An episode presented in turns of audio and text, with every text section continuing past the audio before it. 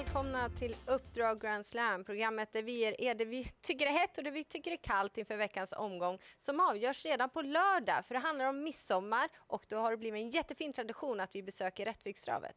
Så är det ju. Det är ju en riktig sommarpärla. Vädret kommer vara med oss även på lördag och eh, det brukar vara en publikfest. Midsommarfirande i Rättvik, det har väl inte undgått någon, eller hur? Nej, du brukar ju vara där varje år. Vad är det bästa? Är det hästarna eller är det stämningen? Eh, bra kvalitet på loppen, eh, det vill säga att hästarna är bra. Eh, många av de som finns i toppen, de aktiva är ju där på plats också, vilket gör att det blir väldigt trevliga lopp också. Och sen har du ju hela publikinramningen och sen är ju Rättvik, det är en sommarbana liksom. Det är lite folkfest sådär.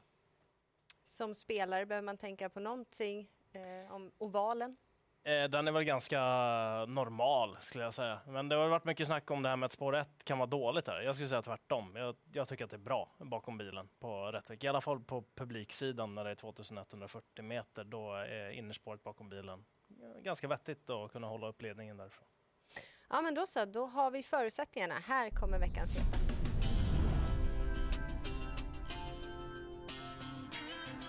I den första avdelningen hittar vi nummer två, Orela Express, som gjorde det väldigt bra under fjolåret mot Kulltoppar. Hon var ju faktiskt tvåa i Svensk Trav Oaks.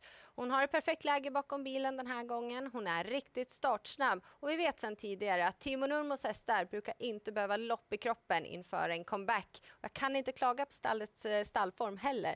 På de senaste elva starterna har det blivit fem segrar.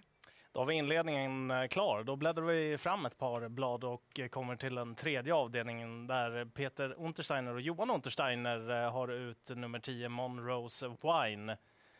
Monrose Wine som eh, gjorde ett riktigt bra lopp i den senaste starten fick dra fram nummer åtta Loki Sensi Diamond som även dyker upp i loppet den här gången. Eh, och Loki Sensi Diamond är det som vinner loppet till slut med Monrose Wine med en riktigt härlig avslutning och verkar verkligen ha förstått vad det hela går ut på det här med tävling. Gillar henne skarpt och så eventuellt då så provar man en ny sulky den här gången, amerikansk sulky. Mm, det gillar du också. Det gillar. Och jag fortsätter att prata om Team Unterstein i alla fall. Och då hamnar vi i avslutningen, nummer 6, Game Brodde, som det har pratats gott om. Jag tycker också att han har inlett året riktigt starkt och gått väldigt bra mot tuff motstånd. Här ser vi senast, då var han trea på V75, gjorde det bra, men inför det hade han faktiskt varit struken för en förkylning. Så jag tror att han behövde det där loppet och jag är inne på att han kommer leverera en riktigt, riktigt bra prestation den här gången. Spännande. Eh, nu tycker jag att det finns ännu mer spännande grejer, för det finns en riktig eh, profil den här omgången i NFR. Jag tror på två utav deras hästar. Det kanske är lite läge att kolla in eh, holländarna, vad de kommer med till den här omgången. Ja, och då är du såklart inne på Robin Backer som är första kurs på Paul Hagers hästar och på lördag har de fyra hästar till start.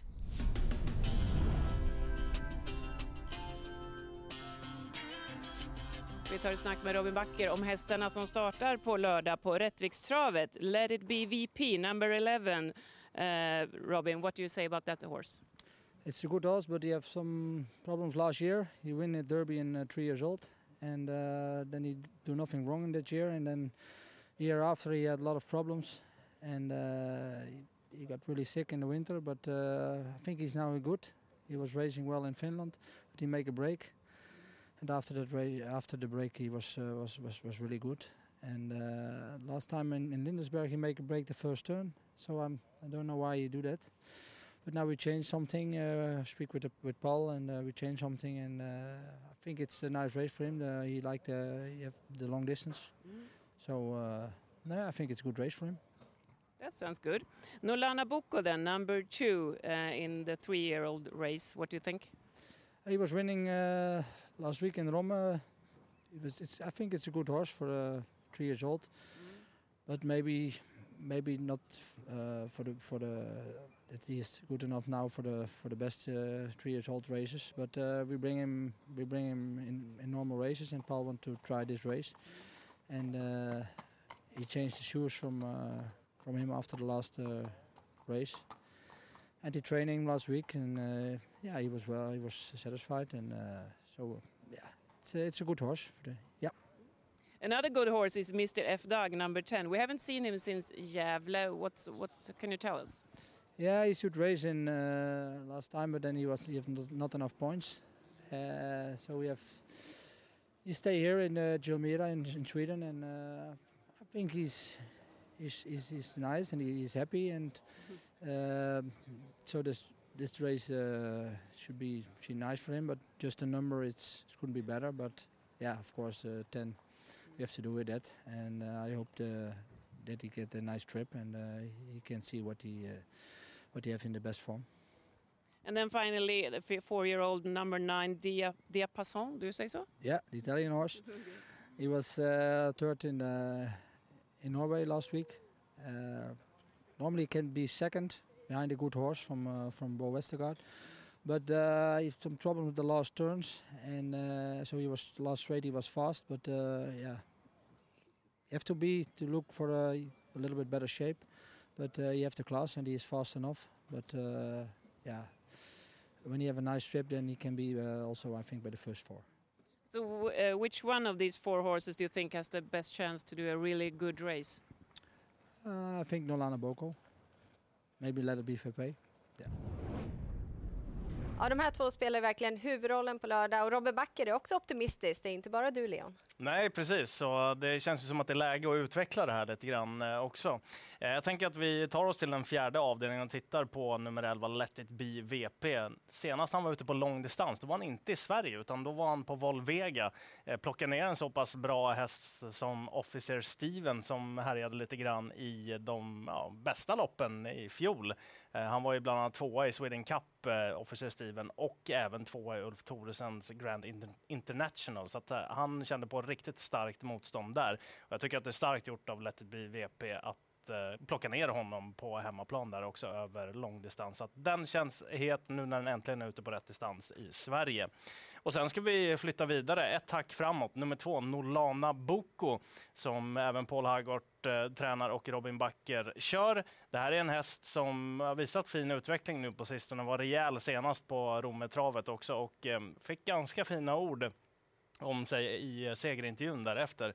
Det lät som att Robin Backe tyckte att lite senare på säsongen så kanske det här är en häst som kommer kunna tävla i de bättre loppen mot de bättre treåringarna. Och det tror jag nog att man ska ha med sig. Det är ganska bra ord när det kommer från deras stall då, i alla fall, som har plockat fram x antal stjärnor genom åren.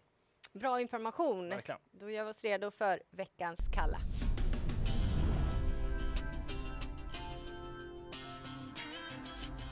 I första avdelningen så var ju nummer 6, Bonville VE, grym när hon tog hem Svensk Travox. Men efter det så har framgångarna uteblivit. Hon avslutade fjolåret med galopp och inledde året med galopp. Hon fick inte travet att stämma och det oroar mig.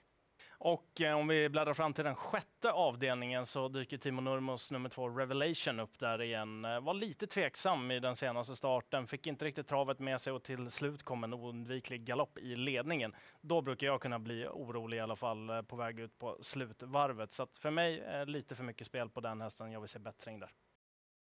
Då var det dags att avrunda det här programmet och du får lyfta fram en häst, Leon. Ja, men då eh, rör jag mig fram till avdelning fyra där. Jag tycker att det är väldigt spännande på 11 Let it be VP som har slagit väldigt bra hästar på hemmaplan i eh, Nederländerna eh, just över lång distans. Så att, eh, för min del så blir det Paul Hagort och Robin Backer den här Grand Slam 75-omgången. Jag kunde ana att du skulle lyfta en sån häst i alla fall. Då tar jag Untersteiner. då. Erik Adelsson kör i avslutningen, nummer 6, Game Brodde. Mött bra motstånd. Det kan vara dags för en riktig kanonprestation. Vad ska man mer inte glömma? Att det är lördag i alla fall. Precis, 15.00 på lördag. Precis, och att man kanske ska besöka. För du kommer åka till Det kommer jag göra. Eh, Jag är nästan alltid där. Det är väldigt trevligt. Hoppas att ni också får en riktigt härlig lördag.